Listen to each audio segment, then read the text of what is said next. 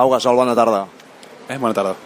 Suposo que comencem parlant del que ha passat fa poca estona. Has vist el partit dels Estats Units? T'has divertit tant com nosaltres? Bueno, no, no, no ho sé, no sé quan us he divertit, però als Estats Units eh, bueno, us conec bé. Són, eh, són jugadors atlètics que roben moltes pilotes, que corren al contraatac molt bé i que acaben doncs, eh, amb força i, i bueno, espectacularitat, diguem-ne, no? Eh, llavors de, has de minimitzar molt els errors amb ells i moure'ls i, i això, limitar aquestes oportunitats de contraatac que, fan, que tenen ells, no? que, que, que fan que sigui un joc atractiu, diguem-ne, per l'espectador, eh, molt d'All-Star típic, però amb equips eh, una miqueta de més nivell eh, i sobretot de caràcter defensiu i més organitzats, no haurien de tenir aquestes facilitats. Als aficionats i a tots, el primer que ens ha vingut al cap és la foto aquesta del tap que vas fer ahir, al nene, eh, i els tres triples que vas tirar, que no sé quants anys fa que no tiraves tres triples seguits en tan poc temps.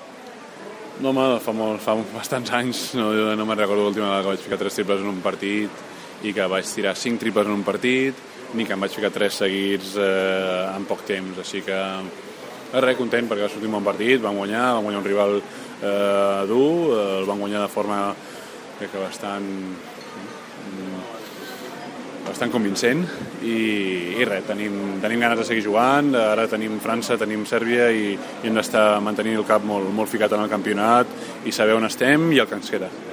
El Tomàs Hertel, el base de França, ens va dir entre un Estats Units i Espanya crec que els espanyols són més llestos i coneixen més el bàsquet FIBA.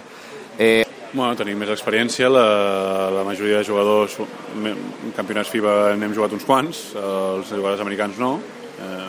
Les normes les normes està clar, tenim més jugadors que juguen a Europa, els americans juguen tots als Estats Units, llavors està clar que el coneixement de les regles aquí del bàsquet FIBA és obvi, no? que, que nosaltres el sabem, el sabem bastant millor.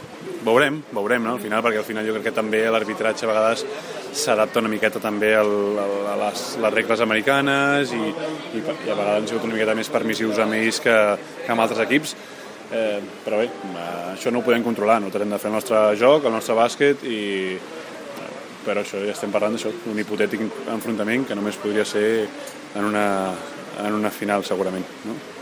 Gràcies, Pau. A tu, un plaer.